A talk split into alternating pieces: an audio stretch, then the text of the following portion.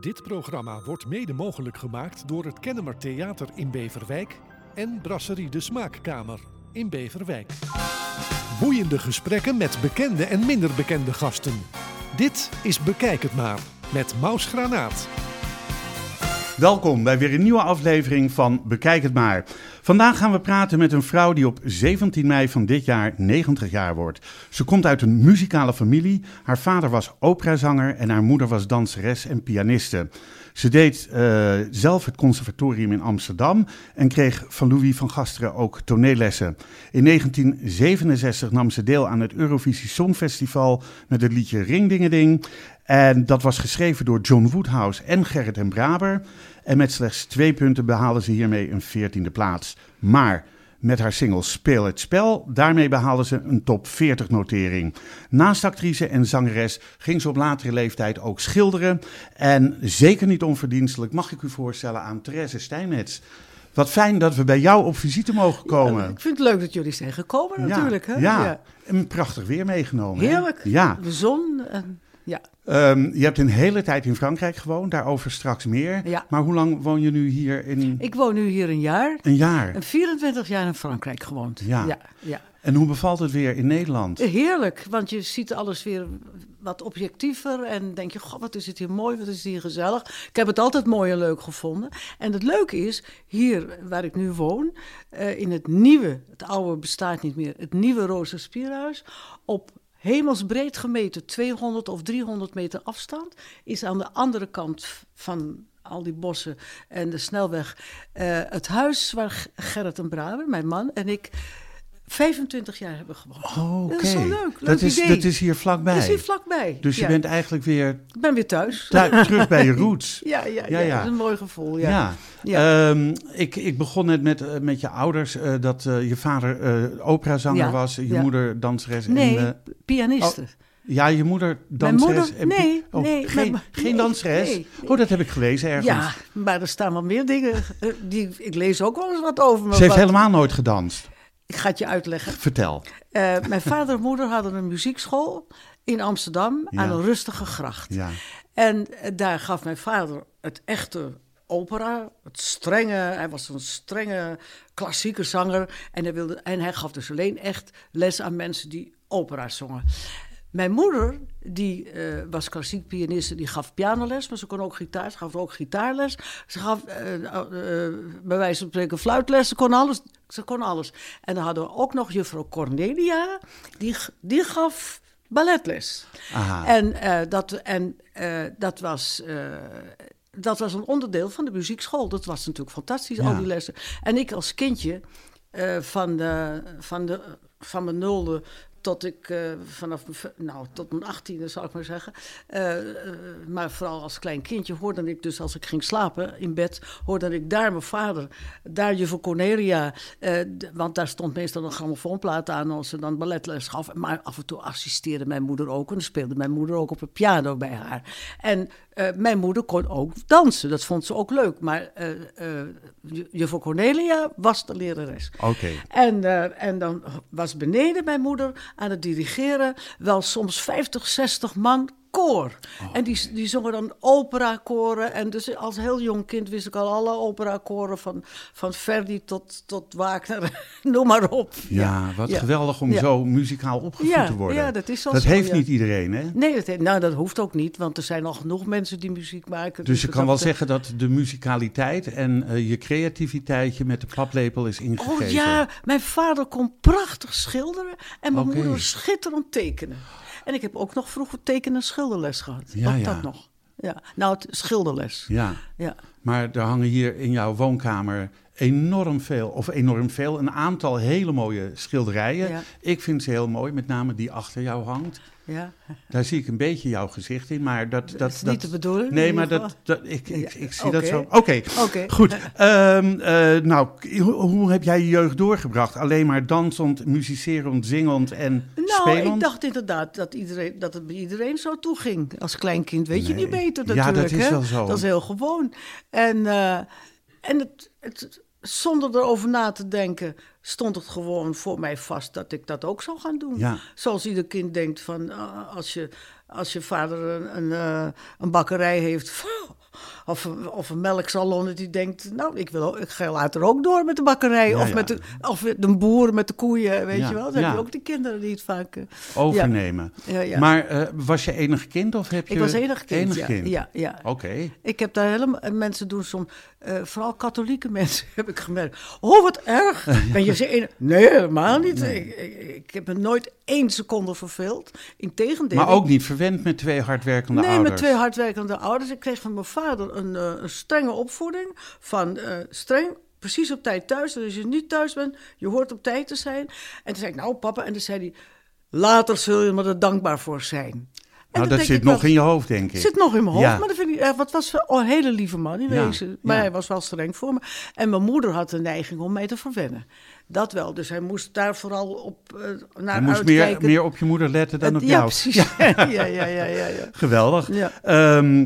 Ehm, je hebt eh, ehm, eh, eh, geen broers en zusters. Maar wat voor kind was je zelf naast eh, de muzikaliteit die je meekreeg van je ouders? Het is moeilijk om over jezelf te zeggen wat voor kind je was. Ja, was je druk kind? Was je een creatief kind? Nam je de leiding? Zong je veel op school? Ik, eh, Ja, moeilijk. Maar, ehm, nou, ik zei erbij, ik verveelde me nooit. nee? Ik was altijd met iets bezig. En ik was inderdaad wel creatief, want, eh, want ja, ik, ik las heel veel. Ja. Dat vond ik leuk. En, ehm, en ik had altijd graag één vriendinnetje om mee te spelen. En mijn ouders zeiden ook, je mag altijd één vriendinnetje meenemen. Dat is ook prettig, want met drie vriendinnetjes krijg je ruzie. Ja. Maar met één vriendinnetje, dus dat vond ik altijd vond ik leuk. En, ehm, en, en voor de rest, ja, het stond zo voor mij vast dat ik in, het, eh, wer- dat ik in de muziek zou gaan. Je ouders hebben je daar niet voor hoeven stimuleren of Nee, motiveren? helemaal niet. Nou, maar wel van, ik moest wel naar pianoles natuurlijk. Ja. En ik heb eh, eerst twee pianojuffrouwen versleten, eh, die ik niet zo prettig vind, tot ik bij een, een, hele, een hele oude man eh, die pianoles gaf. En daar vond ik het heerlijk. En eh, ja, dat... eh, Speel je nog steeds piano? of, ja, eh, ja, ja, ja. ja, Ik componeer ook en ik, ik schrijf zelf de muziek op. En, en, Oké. ja, ik, heb gewoon, ik heb een op. Ik heb staats, staatsdiploma. Conservatorium? cons- Staats, nee, staatsdiploma zang. Dat is en, en zangonderwijs.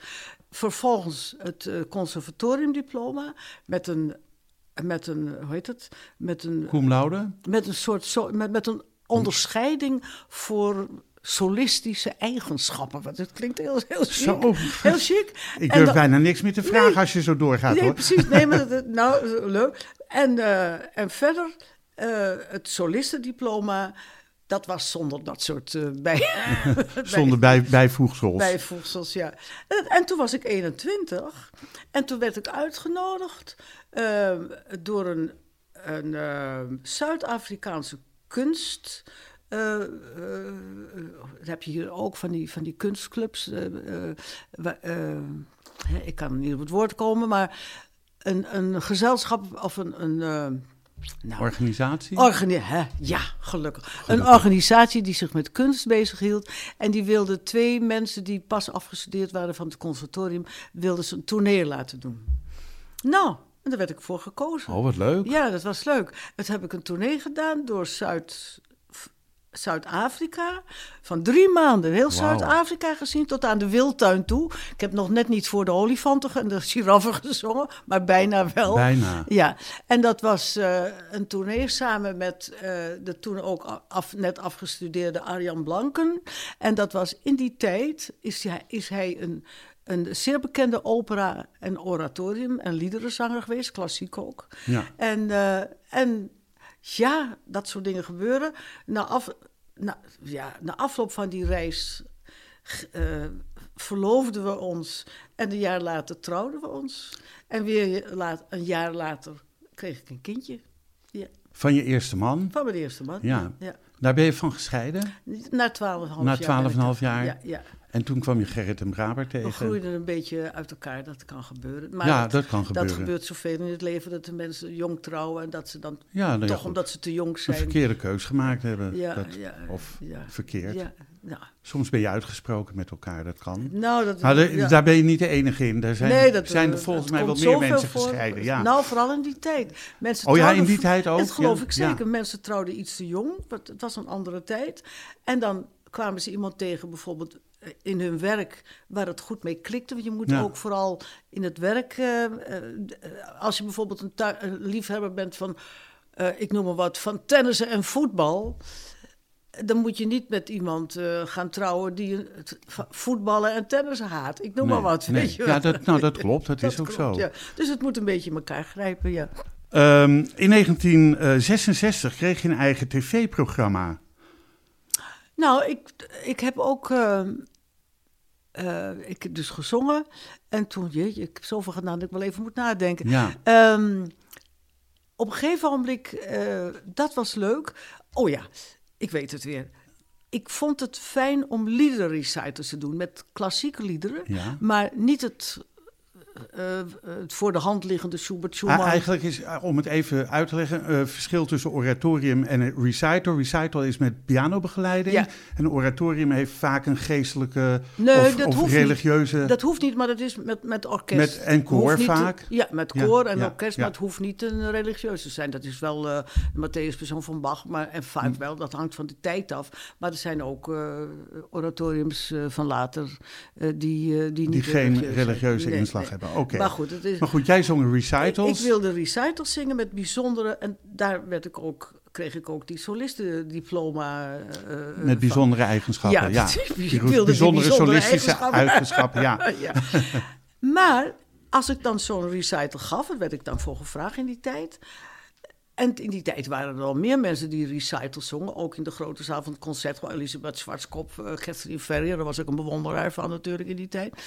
Ehm, maar zover was ik nog niet toen.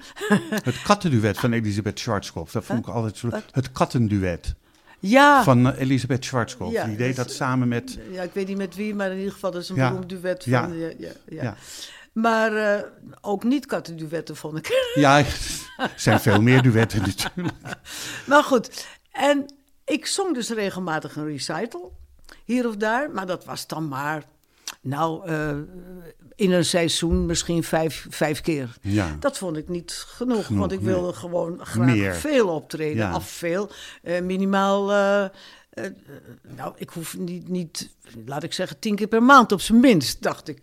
En toen, ehm, toen kwam er een geluk dat ik ineens uitgenodigd werd door de Nederlandse Comedie om daar mee te doen in het gezelschap, vooral voor de zangitems. Want toen konden de actrices Nog niet zingen. niet zingen en nu kunnen de zangeressen, eh, nu kunnen de, acti- de actrices wel zingen Ja. en de zangeressen nu Niet acte- ja, nou, nu moeten ze alles kunnen. Ja, en toen waren acteurs acteurs en zangers Absoluut, en zangeressen waren... Nou, en dat vond ik heerlijk om daar te zijn. En daar heb ik heel veel geleerd. Het was een leuke tijd. Maar je had ook acteerlessen gehad van eh, Louis ja, van Gasteren. ja, inderdaad. Dus jij, jij was wel van beide kunnen. Ja, ik, eh, Qua Louis- zang en acteren. eh, Louis van Gasteren die was heel enthousiast. En die heeft toen hij maar, mij maar een halfjaartje op les had... heeft hij de Nederlandse Comedie gebeld. En daardoor is het gekomen. Ah. Ja, leuk is dat. En, eh, nou, en dan heb ik dus meteen allerlei... Als er niet, en als er geen zangrol bij was... dan maakte ze er een zang, zangrol bij. Dat was wel erg leuk. Ja. En Hoeveel heb jaar heb je dat gedaan? Een kleine vijf jaar. Oké. Maar, en dat was het leuke... eh, als je dus overdag niet voor een stuk hoefde te repeteren, dan was je vrij. En dat ging via een meneer van kantoor, of dat kon. En op de een of andere manier kreeg men er bij de radio ook eh, Lucht van. lucht van dat, ik, eh, dat ik zong. Met Bert Robben deed ik ook voor de radio een serie. En toen gingen ze vragen, als ik vrij was, of ik mee kon doen aan een. Toen waren er veel eh, eh, musicals op televisie. Ja. En, eh, en als je dan vrij kon je overdag repeteren. En het was altijd overdag. En dan kon je s'avonds in de bus stappen en optreden ergens in het land. Want dan hoefde je nooit zelf te rijden. Je stapte in de bus bij de Nederlandse Comedie. Nou, en toen heb ik Kiss Me Kate, Oklahoma... en iets van tien musicals gedaan in die, in die paar jaar dat ik daar was voor Ja. de televisie. En toen Oklahoma op televisie was geweest... wat live werd uitgezonden vanuit de kleine Irene-studio. Met, en dat mocht niet opgenomen worden vanwege de rechten. Dat moest eh, eh, live. En het speelde zich af in Oklahoma, zo'n een half eeuw Dus het werd geleden. alleen uitgezonden en niet opgenomen om het later nog een keer te herhalen. Ja, precies. Het mocht, Ja. Dat mocht niet. En, ehm, Het was natuurlijk heel spannend live, want het speelde zich op het, op het platteland in Oklahoma af. En daar liepen de koeien en de varkens, de varkens snurkend en de koeien boe roepend, liepen door de studio. Ja. En deden ook hun behoeftes in de studio. Dus het was een bende. En toen kreeg ik de volgende dag een telefoon van Benny Vrede Producties, die allerlei dingen deed eh, voor televisie en voor radio. En die zei, heb je er misschien zin in? Ik zie iets in jou om, om jou helemaal eh, in, eh, met je zangcarrière te gaan, iets te gaan doen. Nou, daar voelde ik veel voor. Toen dacht ik, ik heb het nou al gezien, hoe fijn het ook was. Vijf jaar top bij de Nederlandse Comedie. Daar begin ik met die Be- Benny Vrede. En die had binnen no time, kreeg ik van de VARA een eigen show, personality show. Ja. Eh, en toen hoefde ik, mocht ik zonder, dat was ook via de VARA, eh, zonder eh, competitie te doen met anderen, werd ik uitgestuurd dus als enige naar het Songfestival in Oh, dat was nog niet dat je met vier Nee. mensen wat moest zingen Nee, en dat nee. Nederland moest stemmen op Ik jouw was de liedje. eerste die zo werd uitgezonden. Wauw. Na de hand is het ook gebeurd met Willeke Alberti en met andere mensen ook. Ja. Maar dat, ik was de eerste. Dus dat was wel leuk. Nou, ja. zeker leuk. Ja. Ehm, Maar jij hebt het over het festival. Nee, ik heb ik niet gewonnen. Eh, eh, eh, ik was. heb ik ook niet gezegd dat je Nee, het dat, nee, dat heb ik niet gewonnen. Nee, nee, dat heb ik niet gewonnen. Maar je hebt ook niet gezegd dat ik wel het Oostblok Festival heb gewonnen. Nee, daar kom ik, daar daar kom, kom ik, je. daar kom ik. Ja, ja, maar Ja. nou niet het gras voor. Dat was het eh Ah. Intervisie Songfestival in Brasov in Roemenië. Ja, weet Ja. je, het, het, het Intervisie-festival, het Eurofestival is Europa, West-Europa. En het Intervisie was... Het Oost-Europa, het- of het noem maar, Oostblok. Rusland, Oekraïne, eh, eh, eh, Hongarije, Polen, enfin, de, hele mikmak daar. Honderdduizenden mensen Ja. keken daar ook naar. Geweldig, toch? Ja, dat was leuk. Maar ehm, eh, jij, jij hebt voor Nederland meegedaan. Eh John Woodhouse schreef het nummer, de Ja. muziek. En eh jouw man Gerrit en Brader de, de het tekst. was best een charmant liedje hoor, Ja. daar niet van. Een charmant liedje. Maar het paste niet zo bij je. Ik dus we gaan het niet laten horen. Nee. Als we het zo direct over dat andere songfestival hebben, dan laten we een heel mooi ja. Roemeens nummer horen. Ja, ja. Volgens mij gaat het over drie vrienden. Ja, Ja, ja. ja, nou, dat Ja. schoot me te binnen. ja. Ehm, Drie vrienden. ja, toch? De, Ja, drie, de drie ja. vrienden. Ehm, maar inderdaad, in eh, 1970, vijf jaar na het Songfestival. eh, ik wil eigenlijk vragen nog van wat vind je eh, heden ten dagen van het Songfestival? Kijk je er überhaupt naar? Ik kijk er wel naar, maar ik vind dat ze de naam moeten veranderen. Ze moeten het niet meer Songfestival noemen, maar ze moeten het licht en geluid, Eh, ja, eh, licht en Theaterfestival eh, of zoiets. Want ik vind als er geen orkest bij is en als je meer, als, als, het, als iedereen zich zo idioot vaak aankleedt en uitdost en rare dingen doet, dan, gaat het helemaal niet meer om het lied. Dus ik vind het Songfestival helemaal uit een boze. En de mensen, wat ik nou daarvan vind, vinden veel mensen ook, volwassen mensen die het ook een beetje vroeger hebben gezien. Want eh, die, eh, hoe heet ze, die eh, Franse zangeres Pravi. ja van, Barbara Pravi. Barbara Pravi. Ja, Nou, geweldig. ja, en dat, dat doet heel erg denken aan een goede chansonzangeres, hè, zoals je ze vroeger had. Oh, en nou, die ja, heeft zij als- deed me erg denken aan Edith Piaf. ja, precies. En, die heeft gewonnen met de Ja. hele presentatie en alles. Maar er kwam een stemming eh, die ineens. Italianen waren dat volgens mij. Ja, en, er kwam, en daar hoor je nooit meer wat van. Dat het, niemand heeft daar volgens mij op gestemd. Volgens mij is klopt dat niet. Barbara Pravi Ja. treedt as we speak op in, goh, waar zag ik haar? Oh, in, Amsterdam, Den Haag, in een aantal plaatsen in Nederland. Ja, ja, De- en nu, ze, ja, ze treedt overal op. Ja. En ze is enorm eh, populair. populair. Ja, En ze- zeker. En ze doet denken aan, inderdaad, aan Edith Piaf, aan het Franse chanson. En dat is toch een tijd, eh, ja, eh, en ik vind, vroeger kwam Dolle van der Linden en iedereen had zijn eigen dirigent bij zich. En dan heb je, heb je het over een muziekfestival, maar niet, ja, als, je, als de mensen over elkaar heen duiken. En, ben het echt helemaal met je eens. Ja. Nou doet mijn mening in dit gesprek niet ter zake, maar ik vind, ik vind wel dat je enorm gelijk hebt. Licht en geluid en, en wat, wat, Uitdossingen, make-up en... ja, eh, en, ja. Ja, maar goed, daar, daar heb je echt gelijk in. Ja. Maar vijf jaar later, we hebben het er al even gehad, won je wel het Intervisie Songfestival als Nederlandse in een, in een, in een Oostblokland. ja. Maar hoe kwam je daar terecht in Roemenië? Nou, eh, ik zong dus veel musicals bij de NCRV. En Ja. ze wisten, de, eh, Dick van Bommel was daar het hoofd van die afdeling. En ze wisten dat ik erg dol op dat soort muziek was. Ja. En toen kreeg ik een telefoontje van Therese, wil jij naar eh, Roemenië om daar mee te doen aan dat festival? Het duurt een hele week, niet één avond, maar een hele week. En het is ook niet zo, zoals bij het Eurovisie Festival, dat het publiek het liedje kiest. Eh, je mag een kort, een, drie liederen zingen, eigen keuze. Er moet alleen één Roemeense compositie bij. En ik kreeg twee zulke dikke boeken om een Roemeense compositie uit te zoeken.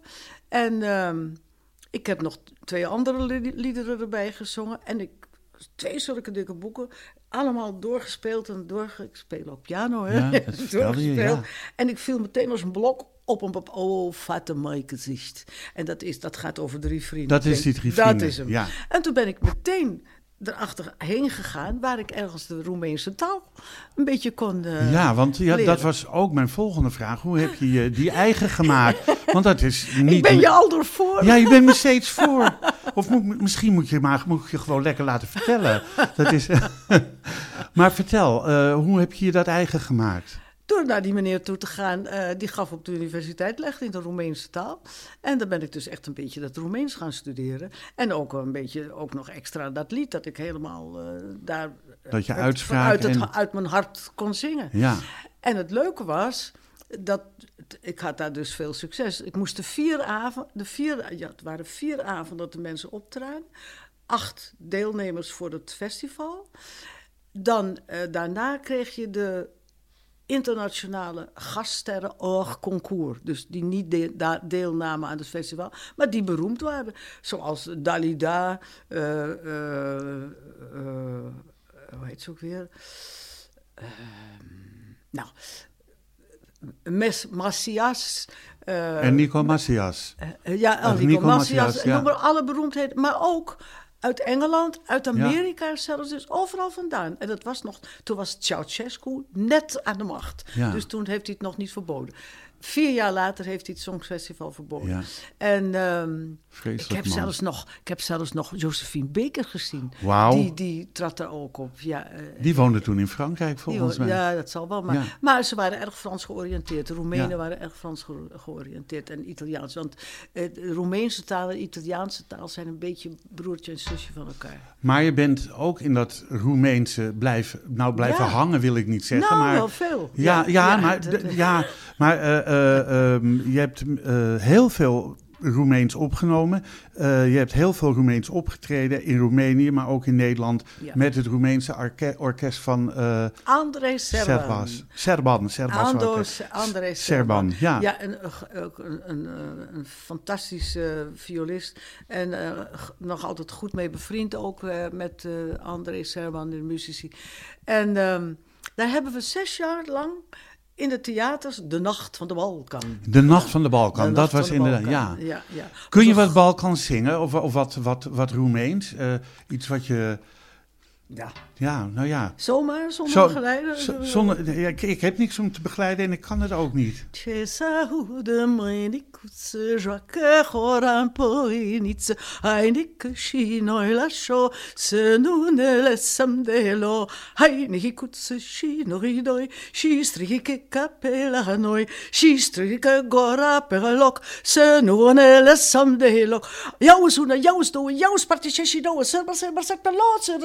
ですよ。狭こな手にやすすとこぽみな。ホップシャディフーナー、シャディドア、シャディトレイセイダンバテ。ホップシャディフーナー、シャディドア、シャディトレイセイダンバテ。へへ、あほ、あほ、あほ、あほ、あほ、あほ、へへへ、へい。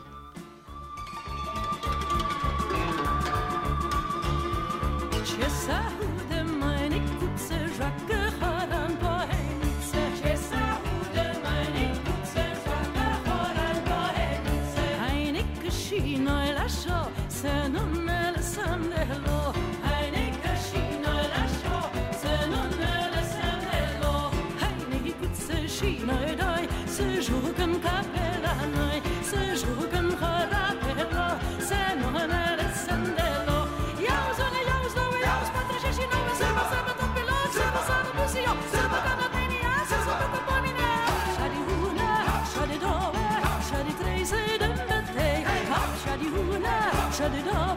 Shall you?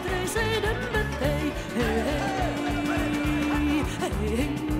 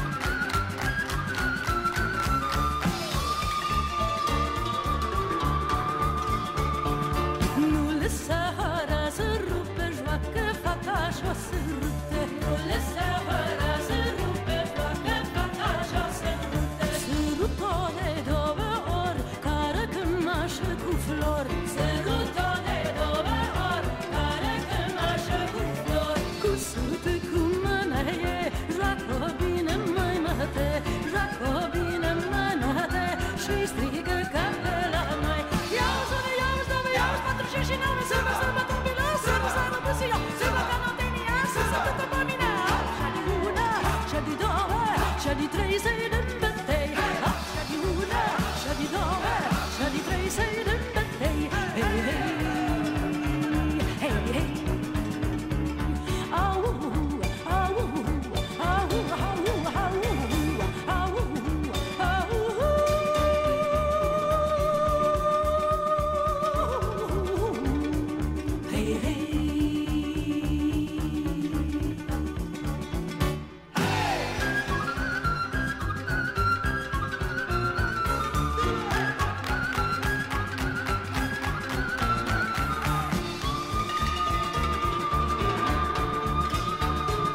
yes, sir.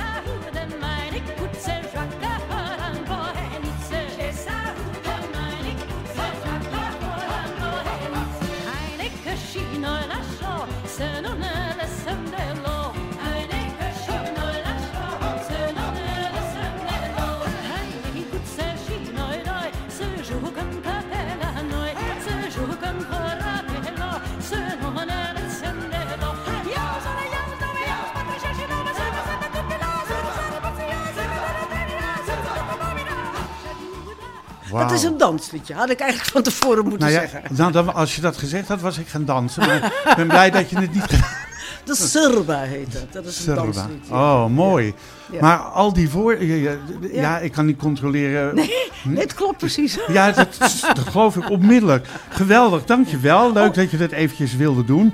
Ehm, je hebt ook nog een aantal jaren eh, een cabaret liedjes achtig programma Opus 1, 1 en 2 Dat, gedaan. nee, nee, nee, dat was een tourchant. Dat was een, Een- echt een, een theatertourchant. Opus 1 plus Plus, eh, Nico van der Linden begeleid dat Ja, trio. ja. En dat was een tour de chant in het theater.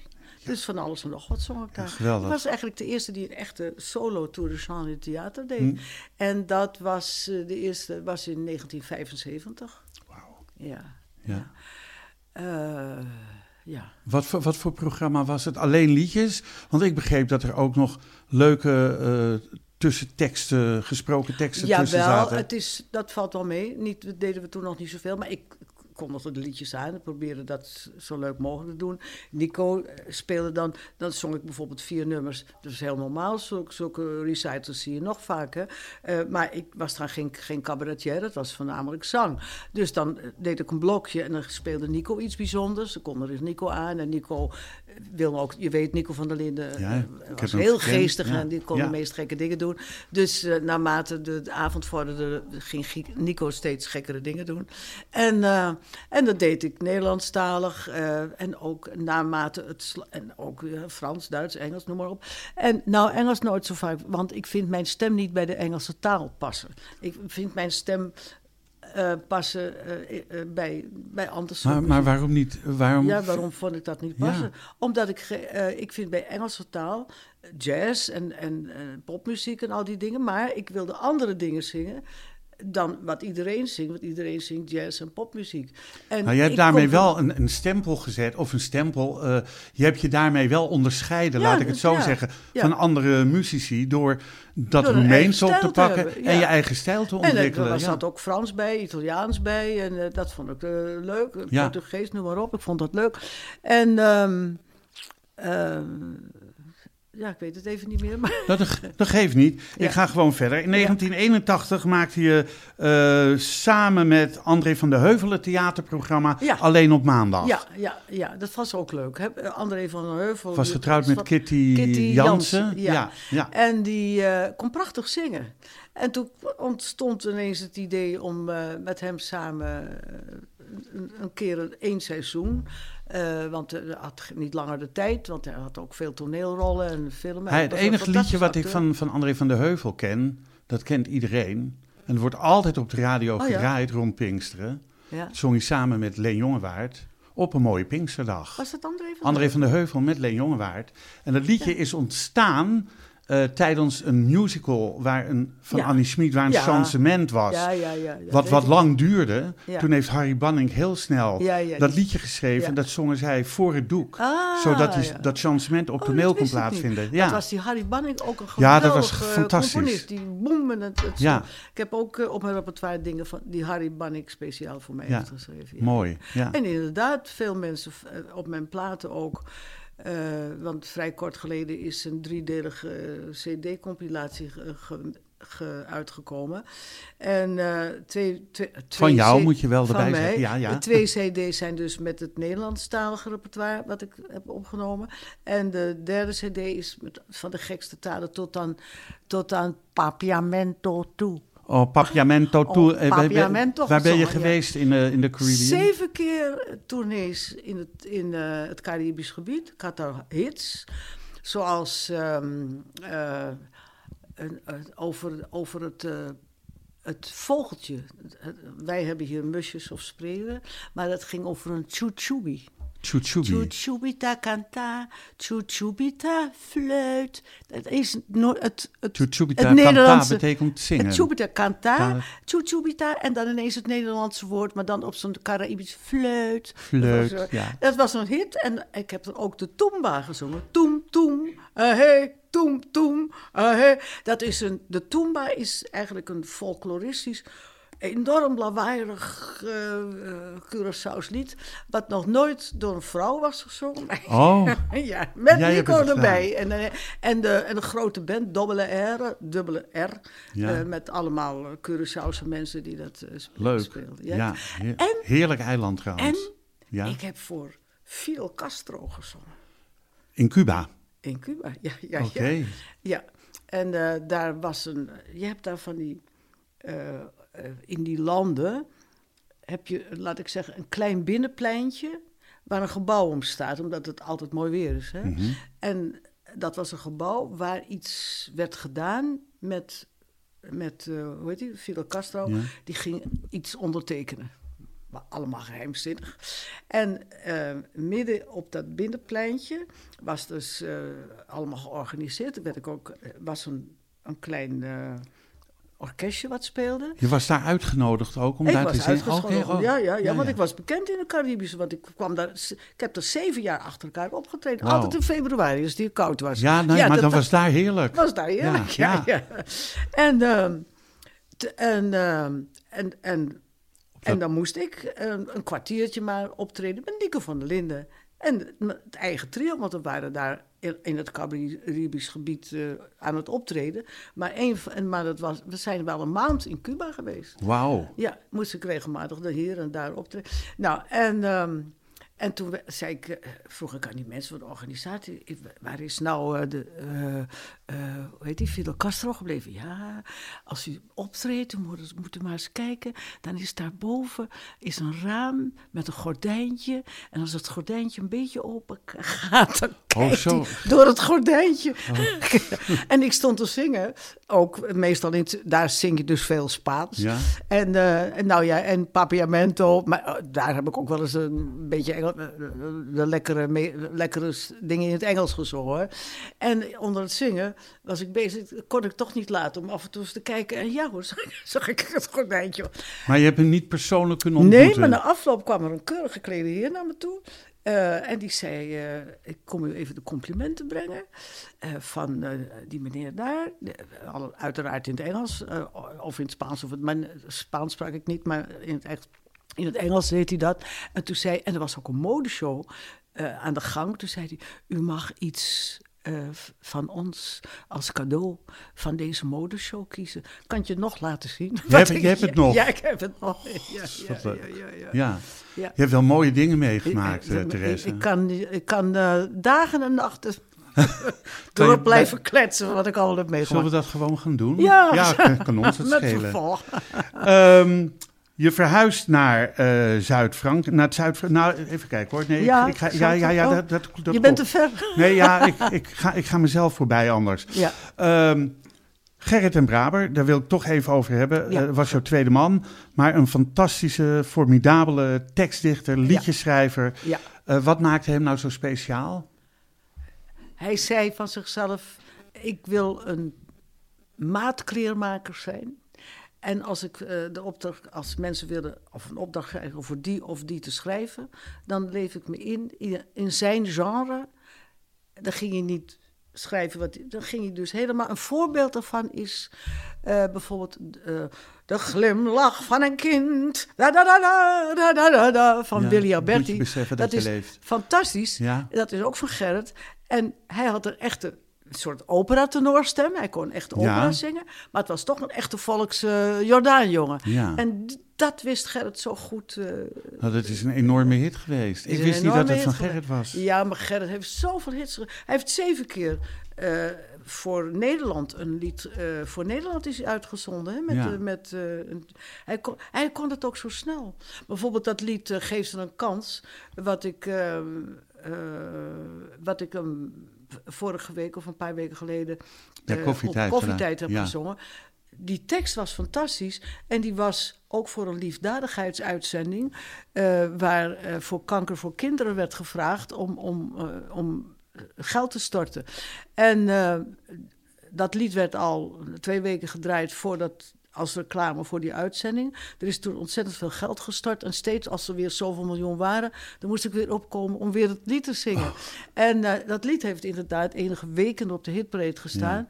En dat was fantastisch. En het idiote was, toen ik daar werd gevraagd om daar te zingen, dacht ik ineens: Goh, dat lied geeft ze een kans. Die tekst is precies wat je nu zou schrijven over alle ellende die er is Ja, met die kinderen. Het is nog steeds actueel. Eh, Het is helemaal actueel. Ja. Eh, van die vluchtelingen die zoveel narigheid moeten doorstaan. Zeker, Ja. ja. ja. Ehm, binnen een jaar tijd verlies je Sylvia, je enige dochter, eh, op 40-jarige leeftijd aan kanker. Bijna 39. en Nee, ja.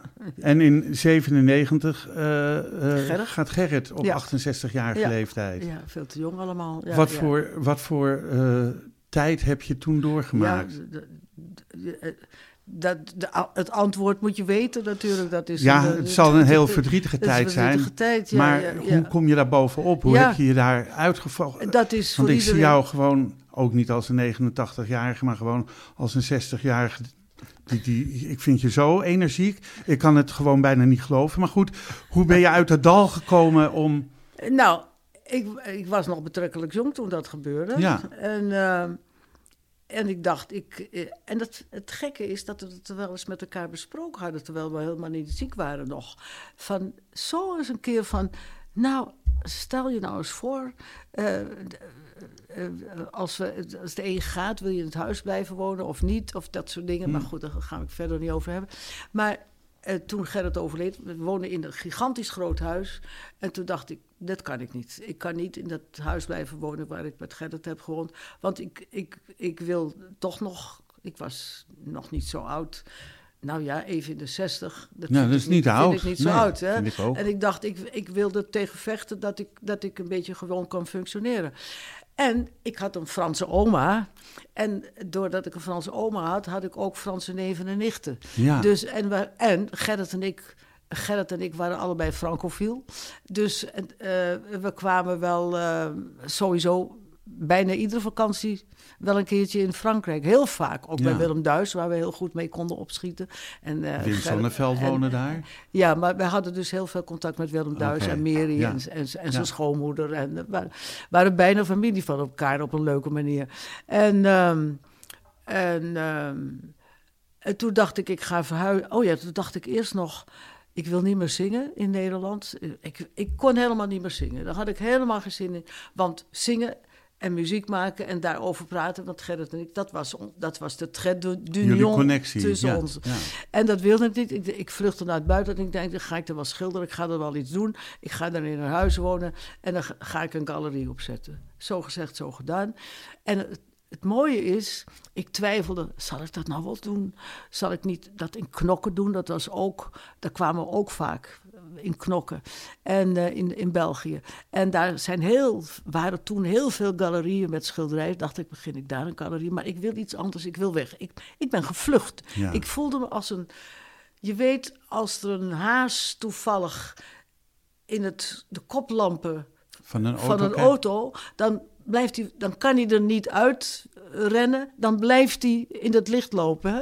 Zo voelde ik me een beetje. Ik voelde me opgejaagd. Ja. En, ehm, maar die lieve vrienden van ons, die belden eh, Therese, we zitten hier vanavond gezellig met elkaar te eten, eh, met die en die. eh, eh, eh, nou, eh, een gedeelte van de mensen ken je niet, maar wel was daar ehm, die man die altijd over Frankrijk eh, voor de televisie sprak. En Oh, Jan ook Brussen? Jan Brussen, ja. Ja. Jan Brussen en zijn vrouw waren er Ja. ook bij.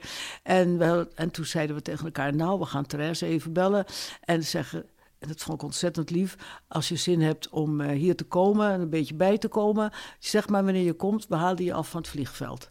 En toen voelde ik dat ineens als een teken dat ik naar Frankrijk moest gaan en niet naar Knokken. En toen heb ik ze opgebeld en gezegd: Ik vind het ontzettend lief wat jullie daar zeggen en vragen. Maar ik wil graag komen, maar ik ga eerst het hele huis opruimen en het huis verkopen. En, want als ik daar bij jullie ga uitrusten, dan kan ik dat niet wil- meer aan. nee. En nu zit ik in een soort, Ja, ja. soort rare, Flow. eh, rare hè, In een flow. ja, ja, Ja. Dat, ik, dat, ik, dat ik daaraan wil bezig zijn. En inderdaad, ik ben als een gek eh, gaan werken om het gigantische grote huis eh, op te ruimen en, en te doen. En het was eigenlijk, nou, het was binnen een paar weken verkocht. En ehm, toen ben ik naar Frankrijk gegaan eh, met de auto. ja, en Met je schilderspullen. Nee, nee, dat niet. Oh. Want alles, is, eh, alles heb ik hier opgeslagen. En ehm, eh, toen gegaan naar Frankrijk met één koffer met administratie. één koffer eh, met dingen van Gerrit. En één koffie, eh, koffer met een beetje winterkleren. Voor zover, ze daar, eh, voor zover je die daar moet dragen. Meer niet. Ben ik daar naartoe gegaan. Heb ik bij vrienden gelogeerd. Dat was een man, die is al lang overleden ook. ehm, eh, die vroeger eh, hoofd, hoofdredacteur van de, de krant in ehm, de Maasbode, geloof ik dat het was, eh, in Zuid- Zuid-Limburg. Het waren Ja. Limburgers. En daar heb ik eh, eh, drie weken gelogeerd. En toen ben ik echt Op gaan zoek zoeken naar een huis, en, en daar bezig mee zijn gegaan. En ik heb, dat kan ik ervan zeggen, het kost gewoon een aantal jaren om iets op zijn plek te krijgen. Dat, is, dat is een algemeen idee daarvan. Ja. Zo heb ik het ook echt gevoeld. Maar ik kan er ook aan toevoegen, na een aantal jaren, zes, zeven jaar, ben je eraan gewend dat het leven wat je dan leidt, het leven is wat je Zoals nu het- leidt, ja, zoals, ja, het, zoals het nu is. En je went dus aan dat nieuwe leven. ja. En dat, eh, Maar ja, je had niet alleen Gerrit verloren, je had ook Sylvia verloren. nou, ja, dat was, die Maar- hoorde ook tot het nieuwe leven. Maar was, ook, maar was ook je enig kind? Ja. Ja. Ja, het was, dus een, het was wel een drama, maar ik heb, eh, daar, ik heb er aan gewerkt om, om, het, om, om er niet aan onderdoor te gaan, laat ik het zo zeggen. Nou, dat siert je. Dat is Ja. mooi, Nou mooi om dat te eh, doen. Ja, ja. maar ja, goed, er zijn mensen die, die, die een wat minder eh, eh, sterk elastiek hebben en zich weg laten zakken in, in hun verdriet. Ja, ja, ja, dat, dat, eh, hoeveel ik ook van ze hield, ik wilde gewoon, Je wilde wel door. ik wilde wel door nog. Ja. Ja. ik wilde niet, eh, geen haar op mijn hoofd, nooit van mijn leven ooit een, een, een, eh, Een zelfmoord. eh, Oh, nee, nee, nee. nee. dat Oh, dat dacht ik niet aan En hoor. ik ben ook nog nooit van mijn leven depressief geweest. Nee. Dat, iedereen is tegenwoordig depressief. Dan denk ik, hè, wat een zeur. Wat een zeur. Ja, iedereen heeft ook tegenwoordig ADHD of, Ja, of, ja, eh, ja, ja, of, ja, of een autistische aandoening. Ja, of- ja, precies. Ja. Nou, nou, van dat soort mode dingen hou ik niet zo. Maar je zat dus aan de Côte d'Azur Ja. en je opent je galerie in Saint-Paul-de-Vence. Voilà. Ja, toch? En in 2003 ben je dan nog verhuisd naar Cannes. Ja, Nee, ik moet zeggen kan. Kan. Kan. Kan. Kan. Kan, met een A. Want de Nederlanders zeggen kan. Ja, Nederlandse kan. Kan. Ik woon in kan. Nee, Nee, in kan. kan. Ja. Kan. Oké. Heb ik het zo goed gezegd? In Ja, kan. goed. Ja. En eh, daar heb je later ook je, je schildersatelier aan de boulevard Golf de Yuan Ja, en- gehad. en- ja, ja, ja. Nee, ja, ook daar, ja. Ja. Dus eerst in eh, eh, eh, gaan wonen. En dan had ik ook eh, in de Rue Massé. En het was net één huis van de hoek. Op de, aan de andere kant op de hoek was die beroemde tassenwinkel. Ik weet nooit die naam. Nee, ik weet, dat Nou, weet ik ook een, een niet. tassenmerk, dat, wat altijd op de tas staat. Gucci. Dat- dan maak je meteen een... eh, een Oh. Louis Vuitton. Ja, Die, ja, ja. Met die zwarte, eh, eh, bruinige ja, zwarte ja, ik vind het altijd zoveel om, om een merk te dragen, dat je dan ziet wat voor mij. Nou. Dat is niks voor mij. Nee. En de andere was Fred. En dat is, was een prachtige juwelenwinkel. En daarnaast naast, met vier etalages was de... De was galerie de van mevrouw galerie. Stijnmetz. Ja. Daar heb ik eh, inderdaad vier jaar geleden gezeten. En dat was een hele gekke leuke tijd, moet Een zeggen. gekke leuke Een tijd. gekke leuke tijd. Maar Maar, ik denk- toen was het al zeven jaar geleden. Ja, oké. En, en het gekke is, nou, het wordt steeds gekker, dat toen daar, het, als ik wel eens een, een, een, ehm, in het andere huis nog voor die zeven jaar om waren, had ik zeker één keer per jaar een, eh, hoe noem je dat ook weer, een, eh, dat de mensen naar de uitgenodigd werden voor naar schilderijen. Van, Na een niet- vernissage. een vernissage, niet alleen van mij, maar ook van andere mensen. Mhm. En dan dacht ik na afloop, nou, het is goed geweest, het is leuk gegaan. Maar het zat alleen in mijn hersens dat het leuk was. Ik constateerde dat het leuk was, dat ik tevreden was. En toen bij de opening in Cannes, toen was het dus al zeven jaar geleden, toen dacht ik, hey, ik voel weer Toen echt dat het- beleefde je het. ik voel weer echt dat het leuk was. Niet met mijn hersens, maar ik voelde in mijn hart dat het leuk Ja, was. Dat ja. was gek.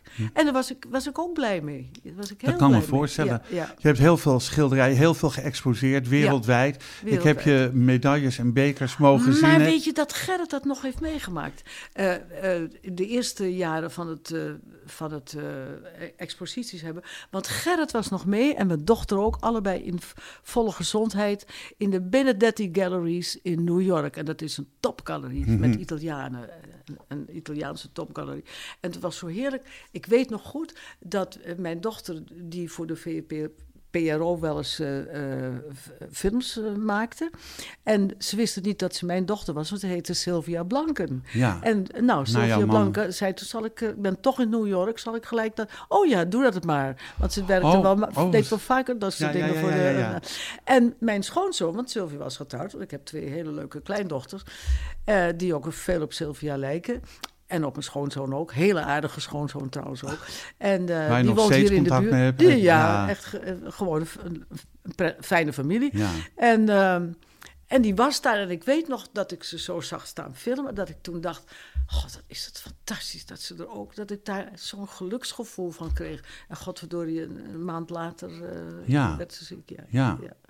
Ja. Jeetje, Mina. Nou, ja. ja. dat is toch een verhaal. Ja. ja. Ehm, even, Ja, ja. de- Je bent een jaar geleden... Nee, wanneer ben je naar Nederland gekomen? Met de auto in oktober eh, t- eh, 2021. Dus anderhalf twee, jaar twee jaar zeg geleden. maar. Ja, bijna anderhalf jaar geleden. Ja.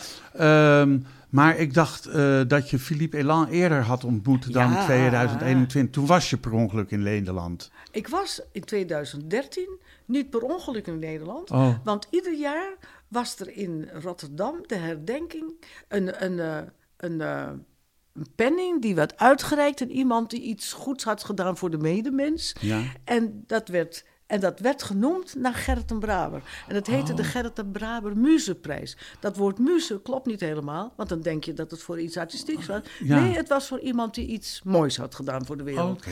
Dus, eh, en daar ging ik ieder jaar heen. eh, dan is met die, dan is met die. Eh, ook wel eens met mijn schoonzoon, maar ook met Herman Wegman, een vriend van mij die in Den Haag woont. En die vond het ook leuk om daar naartoe te gaan. En, en dan logeerde ik eerst een paar dagen in Den Haag. En bedacht hij allemaal leuke dingen om uit te gaan. Ja. En dan zei hij, heb je daar zin en daar zin in? Dat is...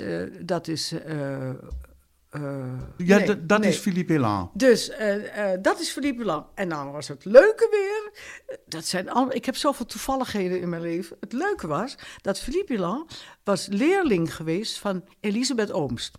En Elisabeth Oomst, daar had ik mee gestudeerd. Zij, had, zij was wat ouder en zat in een hogere klas. Maar daar was ik enorm mee bevriend geraakt. Was echt mijn boezemvriendin. Elisabeth Oomst was zanglerares. Ze woonde in Amsterdam. En bijna iedereen die zong, had les van Elisabeth Oomst. Ze heeft heel veel bekende leerlingen gehad. Ja.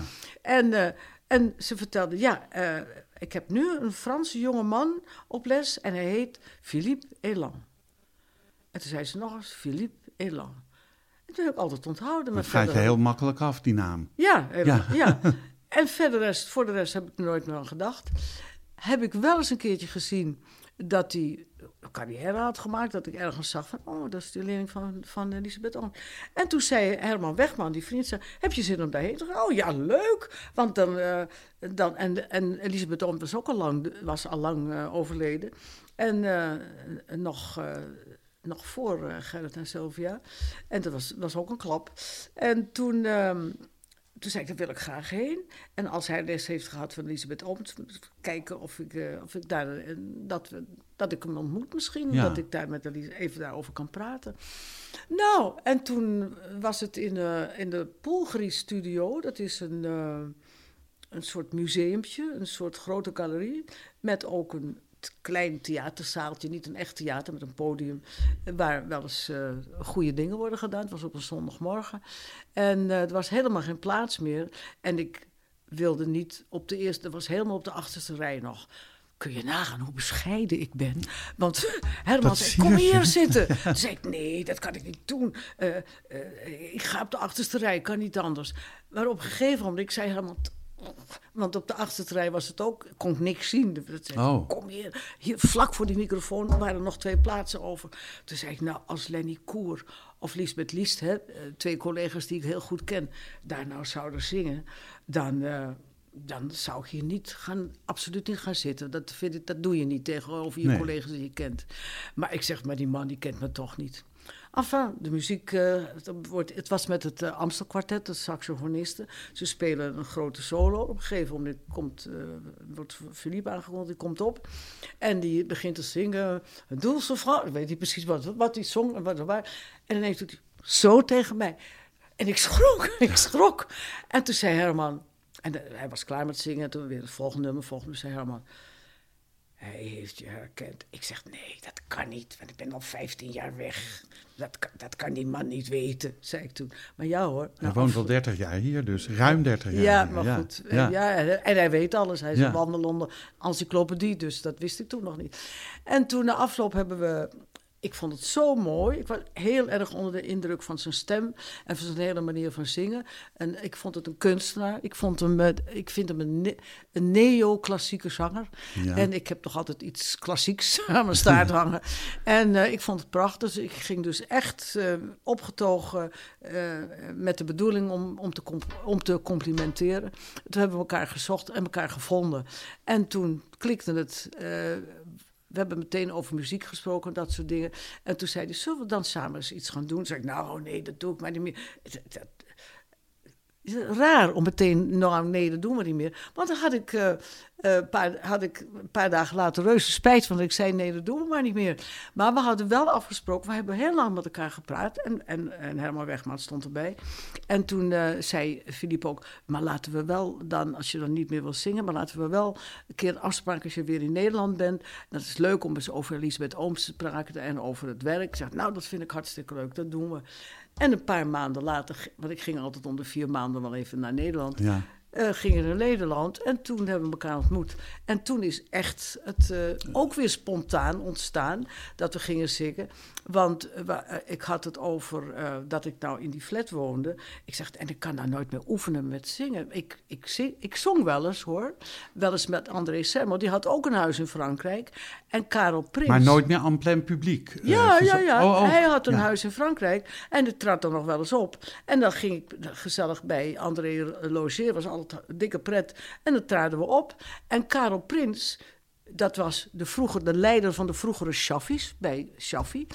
Die hebben toen geruild op een gegeven moment, omdat ik zoveel Roemeense concerten had. Zei Nico van der Linden, ik heb een aanbod bij Ramses te komen.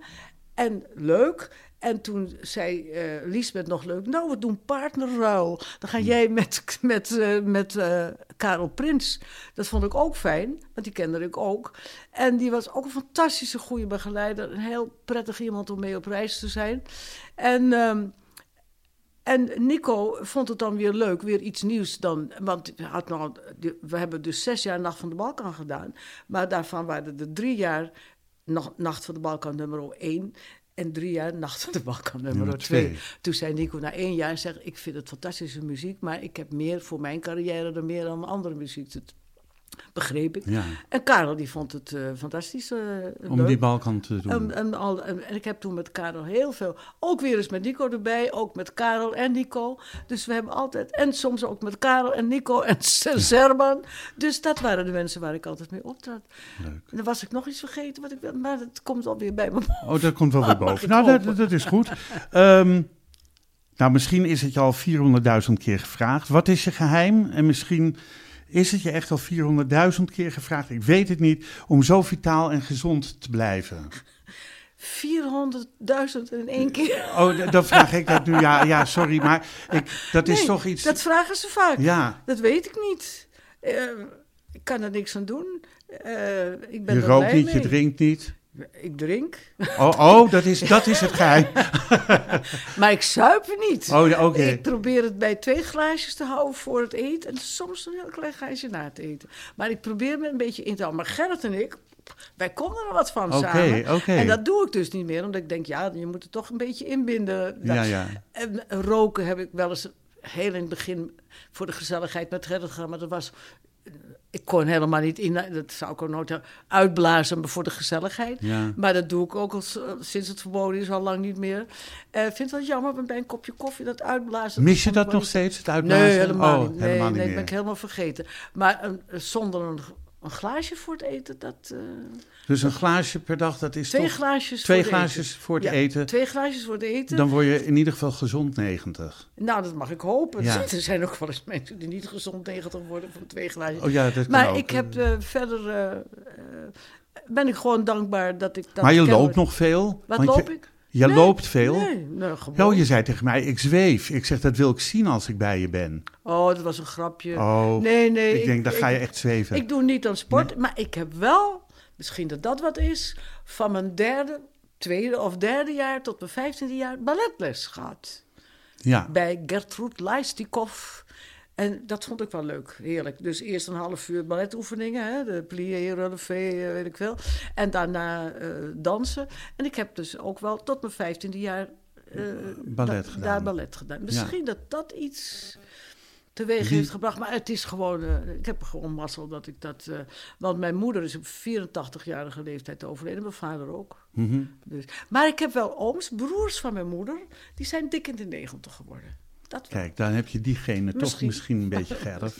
Luister, eh, je, hebt, eh, eh, je treedt regelmatig, niet, niet, niet zeven voorstellingen per week nee, nee, met. Philippe Elan op, maar Zo af en toe. zo af en leuk. toe, Ja, leuk, ja. vind je het leuk om te doen? Ah, Als hij zegt, ik heb een tour voor drie maanden, vier dagen per week, zeg je dan ja of nee? Dat doet hij niet. Maar hij is ook iemand die niet... hij houdt niet van tournees zo achter elkaar. Hij wil altijd geïnspireerd zijn. En, dus, nou...